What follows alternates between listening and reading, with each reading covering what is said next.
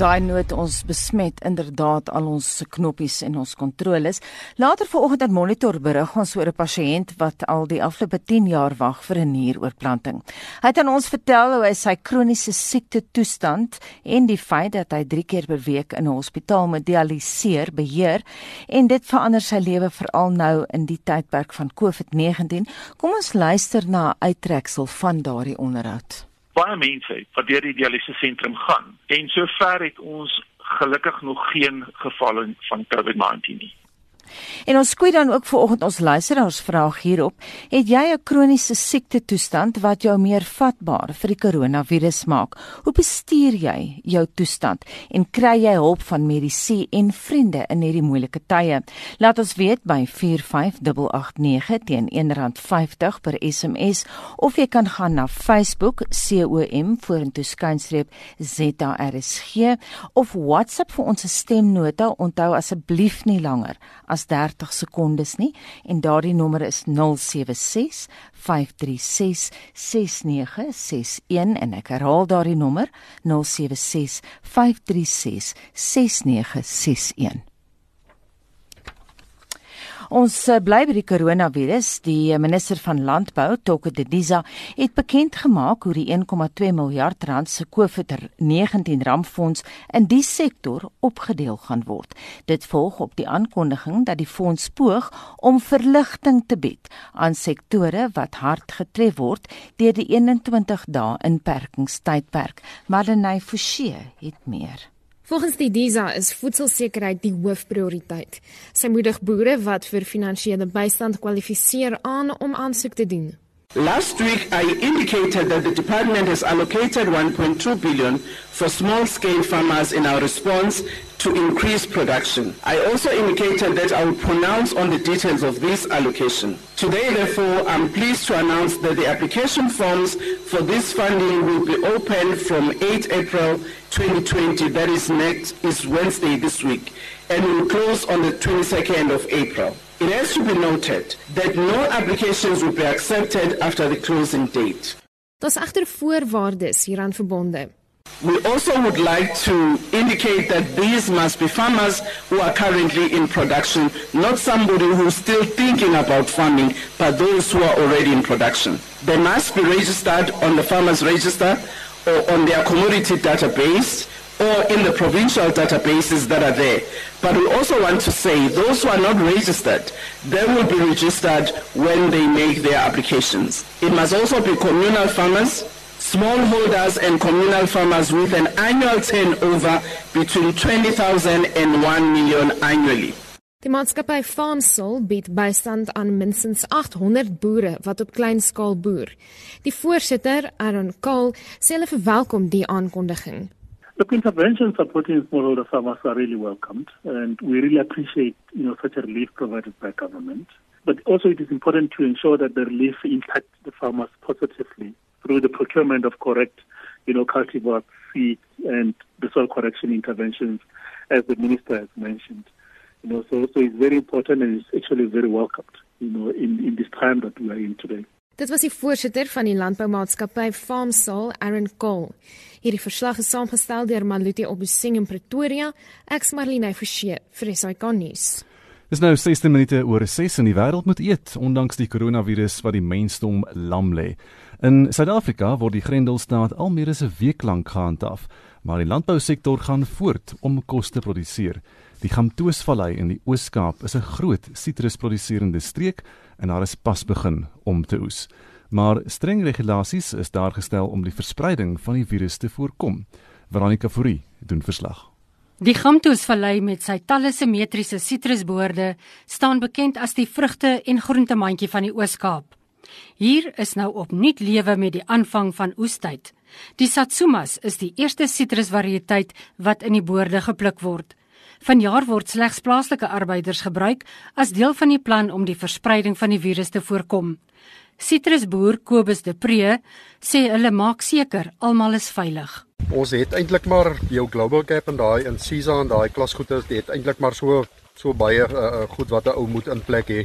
So dit het eintlik min verander, maar altyd sorg dat daar water is vir hande was, skoon water vir vir drink, daar moet seep uh, oral wees vir hande was ons moet eintlik maskertjies opsit maar die die mense hou nie van die maskertjies veral as dit warm raak sê sê hulle hulle kry nie lekker asem nie. Die mense probeer maar mekaar redelik spasie gee rondom 'n boom en so aan al nie nie te op 'n knop klikkie. En ons ek werk met 20, 30 mense in 'n span. Dit is maar moeilik om mekaar spasie te gee, maar ja, ons probeer maar ons bes. Werkers is goed ingelig oor die virus.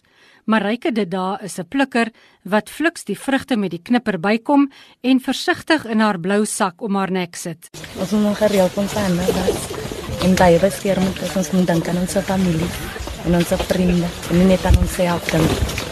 Henry Martin is een van die talle plikkers wat hoog op 'n leer staan om die boonste vrugte te pluk. Hy is baie vervaarlik. Ons moet altyd ons hande was, daar by die kraan. Ah, moet seep en hy. En ons moet distansie van mekaar af wees. Die satsumas wat hier groei, is hoofsaaklik bestem vir Noorwe en Engeland.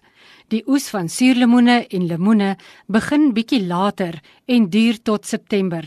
Bykans 8 miljoen kartonne sitrus word jaarliks van die Gamtoosvallei uitgevoer. Dis Veronica Fourie in die Gamtoosvallei. Mediese fondsskemas beraam dat hulle meer as 2 miljard rand net op COVID-19 toetse en behandeling gaan spandeer. Hulle sê hulle word gedwing om strategies te beplan in terme van die bestuur van die pandemie. Die Mediese Fonds vir Openbare Werkers, oftewel GEMS, sê hulle sal na raming sowat 'n miljard rand spandeer, terwyl Metskiem hulle uitgawes op sowat 'n half miljard rand skat. Suid-Afrika het 1686 80 Suid-Afrikaanse bevestigde COVID-19 gevalle en 12 mense het reeds aan die koronavirus gesterf. Meer as 50 000 Suid-Afrikaners is al getoets. Essie de Klerk het meer.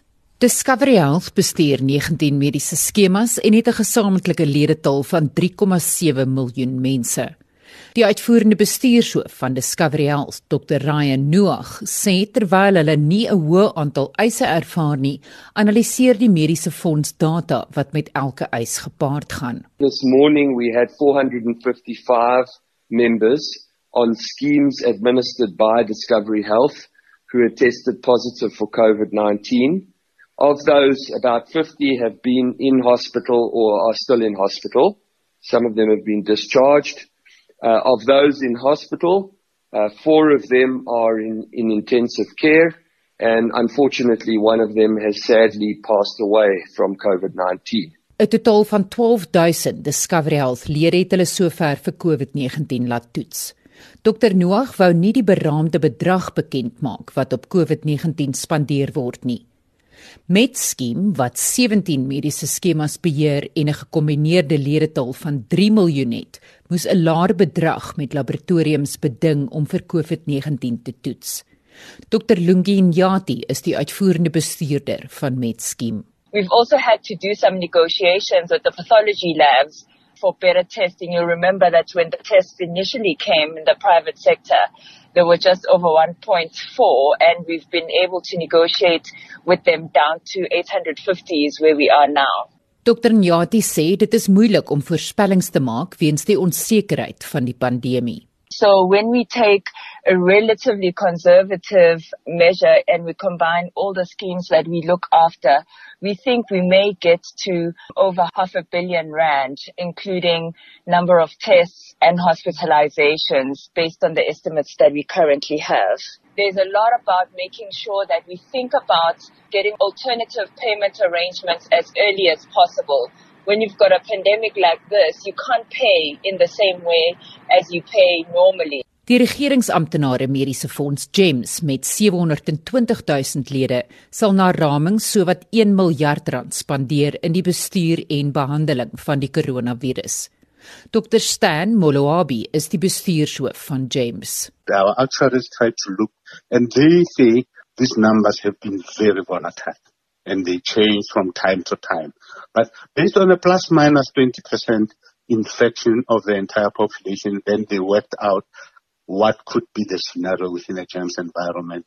It could be anything around 900 million for all the costs of those that will have been proven to have COVID-19. Mediese fonds skemas word meer wys by hulle internasionale eweknieë oor hoe presies om die COVID-19 situasie te hanteer. Die verslag is saamgestel deur Tabile Mbele. Ek is Estie de Klerk vir SAK nuus.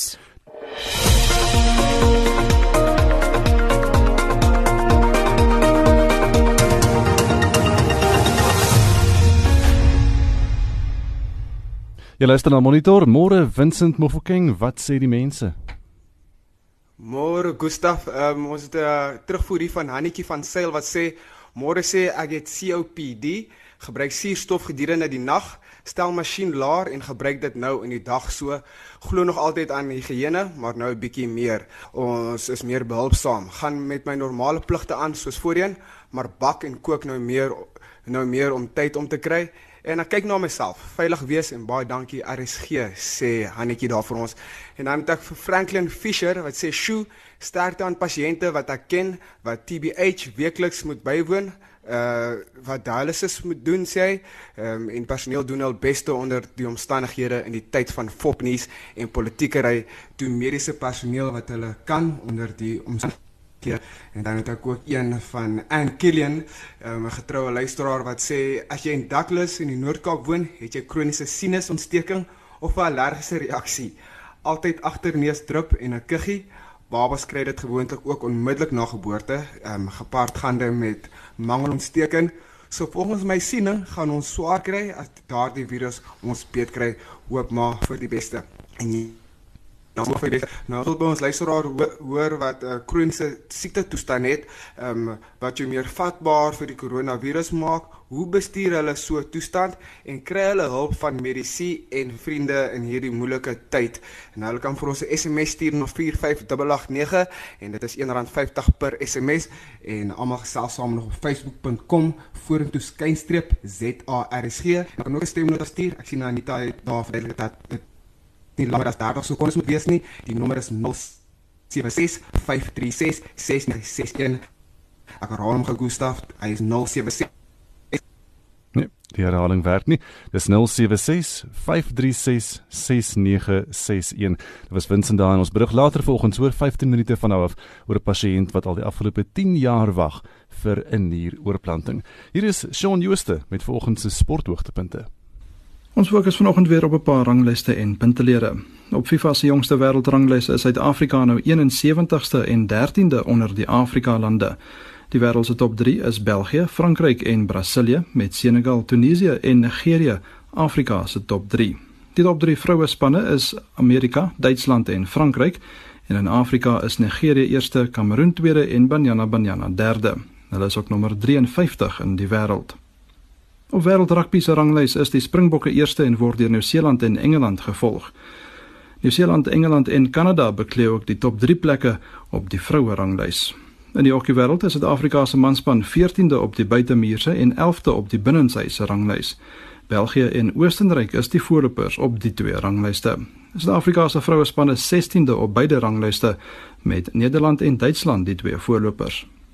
In die tenniswêreld spog Frankryk met die eerste plek op die Davis beker ranglys. Kroasie is tweede en Spanje derde. Suid-Afrika is ver terug in die 52ste plek. En die top 3 op die vroue federasies beker ranglys is Frankryk, Australië en Amerika met Suid-Afrika 79ste. Golf. Die Europese toer het gister aangekondig dat die Trofea San 2 en Lala Merriam beker op die vroue toer wat tussen 4 en 7 Junie in Marokko sou plaasvind uitgestel word en dat die nuwe Skandawiese gemengde toernooi waar mans en vroue dieselfde tyd op een baan vir een trofee speel gekanselleer word. Die toernooi sou tussen 11 en 14 Junie in Swede plaasvind, maar sal nou sy debuut in 2021 maak. Die 149ste Ope Kampioenskappe wat in Julie in Kensou plaasvind, is vir die eerste keer sedert die Tweede Wêreldoorlog gekanselleer. Maar in 'n bietjie goeie nuus, die PGA Kampioenskappe is van Mei tot vroeg Augustus geskuif. Die Amerikaanse Meesterstoernooi sal nou van 17 tot 20 September plaasvind met die Ryder beker wat die week daarna gespeel word en die Augusta Meesters wat donderdag sou begin is tot November uitgestel. En laastens in fietsry nuus, die span wat Suid-Afrika by die junior baan wêreldkampioenskappe in Egipte tussen 16 en 21 Augustus gaan verteenwoordig is gister bekend gemaak. Die ses ryers is John T. Bouwer, Alexander Craddock, Dylan Geary, Shanton Perrins, Kyle Swanepoel en James Swart. 'n Reserve ryer wat nie saam die span sal reis nie, is ook genoem. Shaun Schuster, SAK Sport. Die Glasgow Klimaatsberaad wat geskeduleer is vir einde November vanjaar, waar tydens die Parys-beraad van 5 jaar gelede se aanbevelings in werking gestel sou word, is uitgestel. Vir implikasies hiervan op die klimaat praat ons nou met professor François Engelbrecht van Wits Universiteit se Global Change Institute. Goeiemôre François. Goeiemôre Anita, môre aan die luisteraars. François, uh, klaar net vir ons die verwarring op. Ons het uh, daar is bronne op sosiale media wat sê die beraad is heeltemal afgestel. Daar's ander bronne wat sê dit is uitgestel. Is dit uit of af? Dit is dan net uitgestel Anita met min of meer 6 maande. So die beraad sal nou so teen die middel van volgende jaar plaasvind. Dit is ten minste die plan op die oomblik. En het jy dit verwag? Nee, ek het nie verwag dat die beraad so vinnig uitgestel gaan word nie. Ek ek meen net 2 weke gelede nog het Boris Johnson en Sir David Attenborough die beraad se verrigtinge amptelik geopen. Dit was by die Wetenskapsmuseum in Londen. Maar ek moet sê oor hierdie laaste 2 weke het die druk stelselmatig begin toeneem dat die konferensie maar eerder uitgestel moet word. Ek meen as ons kyk hoe ons vanoggend staan is Boris Johnson self opgeneem mm. in die intensiewe eenheid van ons hospitaal en die die spesifieke kampus in Skotland in Glasgow wat gebruik sou word vir die COP26 word nou self omgeskep in 'n tydelike hospitaal. Hmm. So dit is eintlik ongelooflik hoe vinnig die coronavirus krisis toegeneem het in momente. En ek dink die skrif was eintlik maar verlede week aan die muur want die groot voorbereidende vergaderings waar die onderhandelaars sou ontmoet het in April in Bonn in Duitsland Uh, hierdie vergaderings is almal nou ook uitgestel. Um, en hierdie ontmoeting is eintlik baie belangrik om voor die groot konferensie vertroue op te bou tussen die onderhandelaars en om die baie tegniese aspekte van die klimaatsonderhandelings uit te sorteer.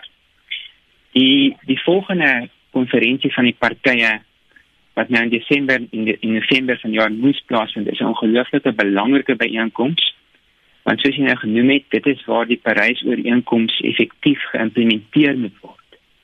En nou word verwag van ander lande van die wêreld om hier met baie meer ambisieuse formele verbintenisse en wetlike verbintenisse voor 'n dag te kom. Mm.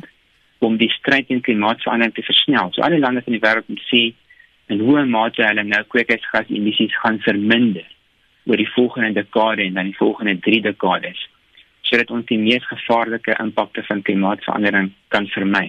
François, so hierdie tipe konferensie vereis Ja, dit hierdie tipe hierdie konferensie is so belangrik dat dit eintlik baie diplomatieke prosesse vereis het om voor die tyd plaas te vind. So dit is waarskynlik maar die beste besluit dat dit eerder uitgestel moet word. Maar watter effek gaan dit hê? 'n 6 maande uitstel? Ja, daar is die negatiewe kant hiervan en daar is dan ook 'n positiewe kant. Aan die negatiewe kant moet ons sê dat die klimaat, die stryd teen klimaatsverandering is 'n proses wat eerder nou versnel moet word as wat dit vertraag moet word. En hierdie is 'n verdere vertraging. Um, ons stuur op die oomblik af op die oorskryding van die gevaarlike drempelwaarde in globale verwarming van 1.5 grade Celsius so vroeg as die jaar 2030 die 2 grade Celsius drempelwaarde kan in die stadium bereik word so vroeg as 2040. En dit beteken dat 'n reeks verdere klimaatkrisisse op die wêreld wag. 'n Goeie voorbeeld daarvan is die Australiese vure, hierdie ongekende uitbreek van vure oor miljoene vierkante kilometer en uh, wat ons die afgelope paar maande gesien het in Australië. Dit is 'n baie goeie voorbeeld van die tipe gebeurtenisse wat ons al meer gereeld kan verwag as ons hierdie gevaarlike drempelwaardes in klimaat en globale verwarming oorskry. Mm. So ons kan natuurlik ook nie waarborg dat die wêreld teen die middel van 2021 gaan fokus op die stryd teen klimaatsverandering nie. Ek meen dit is so moeilik om nou te voorspel waarheen ons op pad is. Dit is baie moontlik dat die fokus in daardie stadium gaan wees op die herstel van ekonomie met behulp van die verbranding van fossiel brandstowwe. So dit is die dit is die risiko's wat gepaard gaan met die uitstel van die konferensie. Ek wil aansluit by wat jy nou gesê het Fransjo. Daar is nou 'n 25% afname in koolstofdioksied uitlatings in China en elders. Nou vir nou is daar minder lugbesoedeling, maar wat gaan egter na corona gebeur? Daar is van jou kollegas wat praat van revenge pollution. Kan jy uitbrei daarop? Ja, ons het eintlik 'n voorbeeld hiervan gesien en dit was terug in 2008 met die groot finansiële krisis. En toe die wêreld nou uit daardie groot finansiële krisis beweeg het, het ons gesien eerstens was daar tydens die krisis 'n afname van amper 2% in koolstofdioksied emissies wêreldwyd. Maar in die volgende jaar 2009 of eintlik in 2010 toe die herstelproses nou mooi op koers was, het ons weer eers skielik 'n 6% toename gesien in emissies, 'n geweldige toename. En omdat lande die fossiel brandstowwe gebruik het hoofsaaklik en omdat daar so baie sement geproduseer is in hierdie proses van ekonomiese herstel. En dieselfde gevaar gevaarligte is al reeds weer aan die flikker. Dit is baie moontlik dat in China spesifiek waar dan in die afgelope paar weke omtrent 'n 25% afname was in koolstofdioksied emissies dat hulle gaan probeer om hierdie verlore tyd op te maak in die ekonomie. En daarvoor gaan hulle steenkool gebruik in die eerste plek. En dit kan dit kan wêreldwyd die geval wees. Daar is 'n risiko hiervoor. Die aan die positiewe kant is daar die moontlikheid dat baie lande nigter sal dink en dat hulle hierdie proses van ekonomiese herstel gaan gebruik om eerder sektore in die ekonomie te bevoordeel wat gebruik maak van die hernubare vorme van energie of dat die hernubare energie sektor self gestimuleer gaan word eerder as die fossielbrandstofindustrie in hierdie proses van ekonomiese herstel. So dit dit is die positiewe moontlikheid. Ongelukkig as ons kyk na die verlede, is daar 'n baie baie groot risiko dat koolstofdioksied emissies baie vinnig weer gaan toeneem. Soos wat ons uit die koronaviruskrisis uitbeweeg. Fratjara, is daar ook positiewe nuus en dit gaan oor die ozonlaag. Vertel ons daarvan. Ja, die mens het natuurlik so in die laat 1970s ontdek dat die ozonlaag besig is om te verdun. En dit het natuurlik baie gevare ingehou. Die eerste daarvan is natuurlik die groter hoeveelheid ultraviolet lig wat die atmosfeer inbeweeg het en natuurlik gesondheidsrisiko's vir ons gebring het. En steeds bring, byvoorbeeld um, in die eerste plek, um, velkanker. Maar in hierdie geval is die oorsaak van die probleem vinnig vasgestel. Dit was die dit het te doen gehad met die vrystel van sekere gasse soos die klorofluorokarbonaatgas uit die atmosfeer in. En hierdie gasse het het gekom uit sekere tipe industriële aktiwiteite. En dit is tipe gasse wat byvoorbeeld gebruik word in verkoelingsstelsels soos in yskraste ook. En dit was moontlik om deur die Montreal ooreenkoms van 1987 die Montreal protokol het as ware die gebruik van hierdie gasse wêreldwyd verbân. En die Montreal protokol is baie aggressief geïmplementeer wêreldwyd. En so van die vroeë 2000s af kan ons sien hoe die ozonlaag se verdunning verleidelik stopgesit is en vandag kan ons selfs die eerste tekens sien in die herstel van die ozonlaag. Nou een verder gevolg van die verdunning van die ozonlaag is dat die groot straalstrome van die wêreld, die weste winde, daardie gedeelte van die wêreld waarin ons die koue frontstelsels vind. Hierdie ene klimaatsgebied het geleidelik suidwaarts begin uit begin skuif in die suidelike halfrond. So die koue fronte en die westewinde het geleidelik meer poolwaarts beweeg. En daardie poolwaartse verplasing is vandag so groot as 2 grade in in breedtegraad. En die belangrike gevolg hiervan is minder frontale reën in die suidelike gebiede van Australië en ook in die suidelike gedeeltes van Suid-Afrika. Nou die goeie nuus wat nou net gepubliseer is die afgelope week of so, is dat nou ook die eerste tekens is dat hierdie poolwaartse migrasie van die westewindgordel stopgesit het. En as gevolg van die feit dat die ozonlaag nie meer besig is om verder te verdun nie.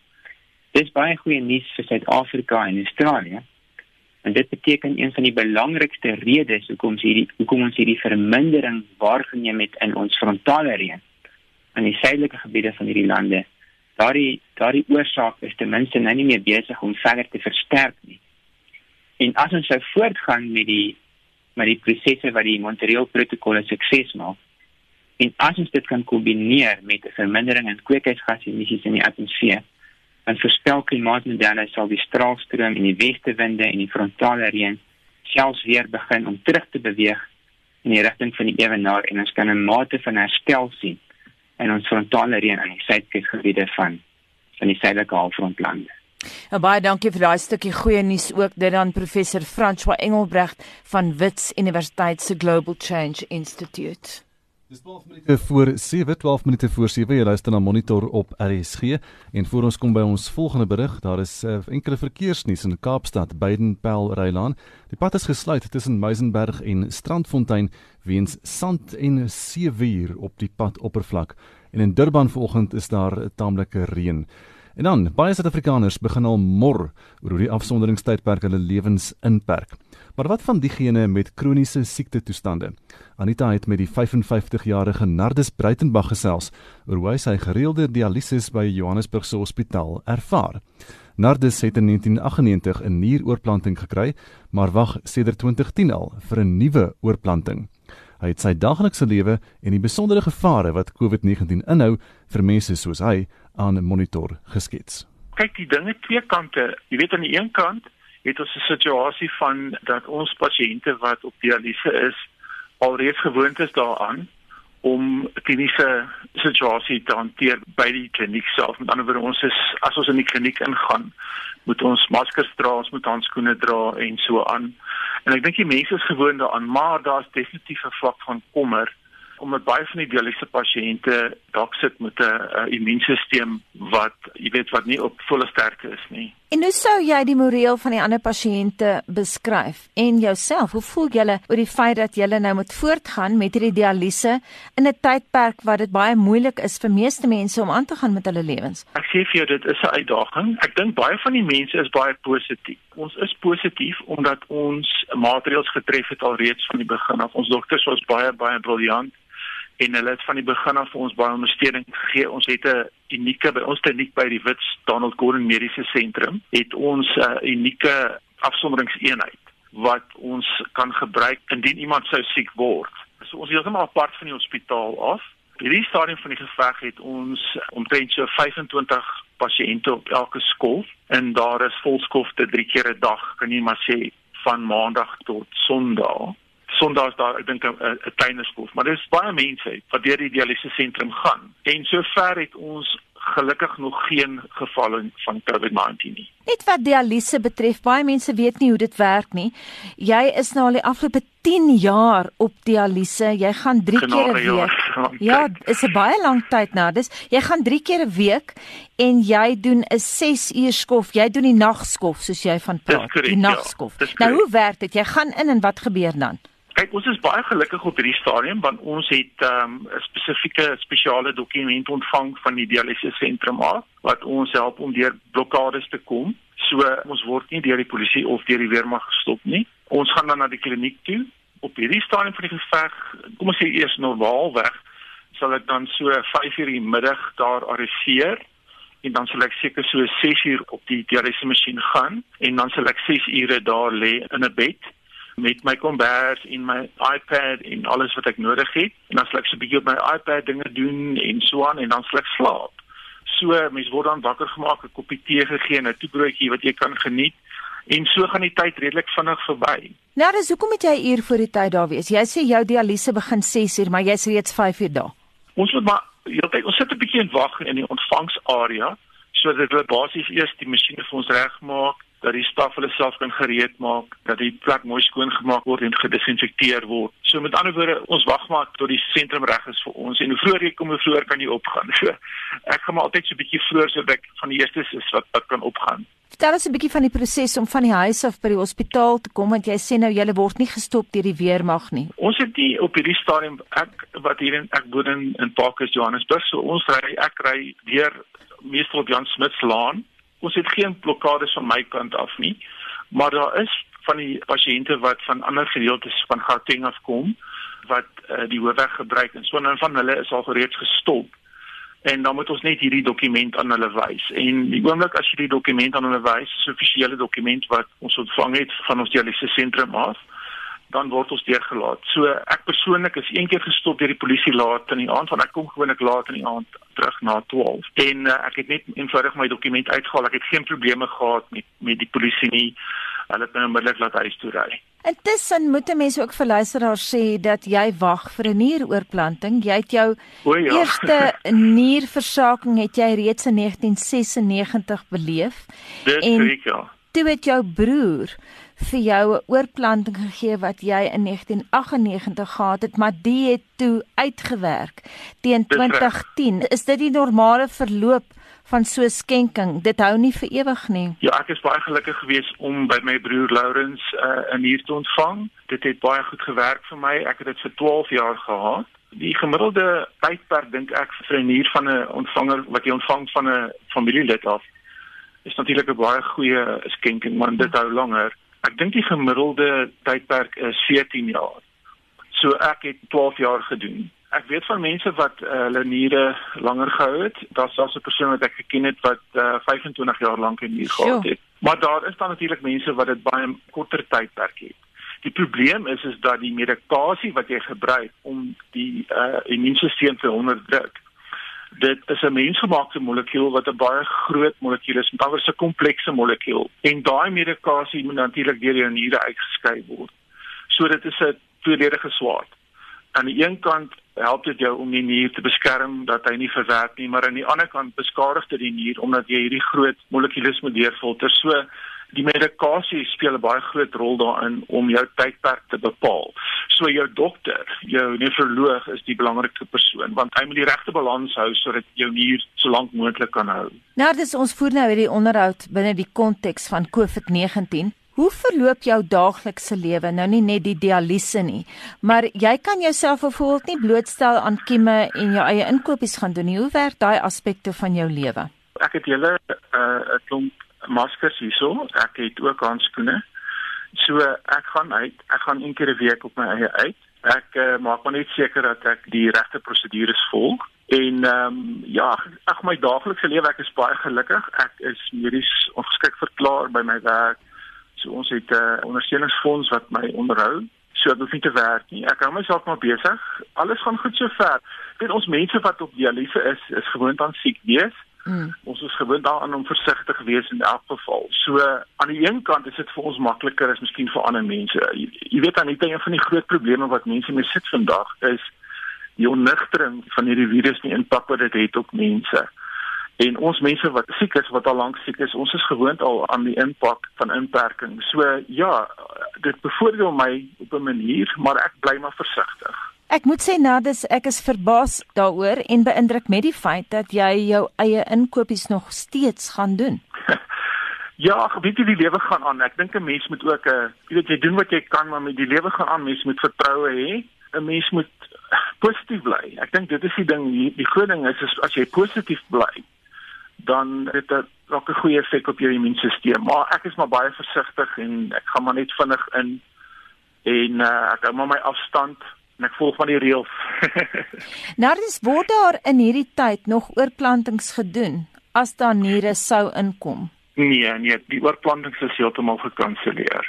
Dit sal 'n groot risiko wees vir die dokters en vir die pasiënte. As daar 'n nier beskikbaar is, sal dit teen een eh, nou verlore gaan. Maar op die lang termyn is daar natuurlik altyd hoop dat jy nog 'n nier kan kry, né? Nee? Ja, nee, ek is nog op die lys. Ek is in goeie gesondheid. Ons het baie goeie dokters. Ons het net natuurlik nodig dat mense skenk. Jy weet in 1998 uh, toe ek my oorplanting gehad het, was daar baie meer organe beskikbaar en mense het nie langer as 6 maande gewag nie. So op hierdie stadium van die geveg is daar baie minder niere beskikbaar en dit klink vir my asof die hoeveelheid pasiënte wat wat siek raak as gevolg van hierdie siektes al hoe groter raak. Die grootste probleem natuurlik bydra is is lewens ehm um, lewensverwante siektes soos diabetes en uh, hoë bloeddruk en sulke goeters wat mense se niere beskadig. So dit is 'n groot probleem wat ons het in Suid-Afrika. En dit dan die 55-jarige Nardus Breitenberg wat steeds hoop dat hy eendag 'n nieroorplanting sal kan kry. Dis nou 3 minute voor 7. Wins, wat sê die mense vanmôre? Gustaf, kom ons begin sommer met ons stemnotas van ons luisteraars af. Ek is 'n kroniese asma leier. Ek bly in die huis. Ek het 'n nebulizer en ek het my pompies en goed. So ja, ehm um, ek bly maar net in gebed. Dis Rian Klaas van van Anybay. Ja, ek was so 2 jaar terug gediagnoseer met longkanker. Dit het nou so in hierdie jaar versprei na my brein toe. Ek was 3 weke terug was ek in uh, ICU in die hospitaal. Nou kan ek vir eerlik sê, ek kon net agterkom die nurse uh, almal het begin op stres daar deur hierdie coronavirus storie. En uh, mense was um, die besoekure was afgeknou gewees. Is heeltemal afgebring na um, net na 'n uh, uur toe van uh, van die, in die middag 4 uur tot 5. En uh, ja, ek is bly ek is daar weg, maar nou met hierdie storie buite uh, en met my toestand toe goed uh, ek begin ook maar nou my eie maskers te maak en uh, ek sal van vandag af maar my masker dra as ek swart of hou hier net ook ook al mag loop. Maar mooi dag daan, gesond wees julle. As sê dan tot nog een op hier van ons SMS lyn af wat sê goeiedag, ek het 'n vol leweroorplanting gehad en ja, moet mooi oppas, mag nie siek word nie mag geen infeksies kry, dra my masker en handskoene en bly toegesluit.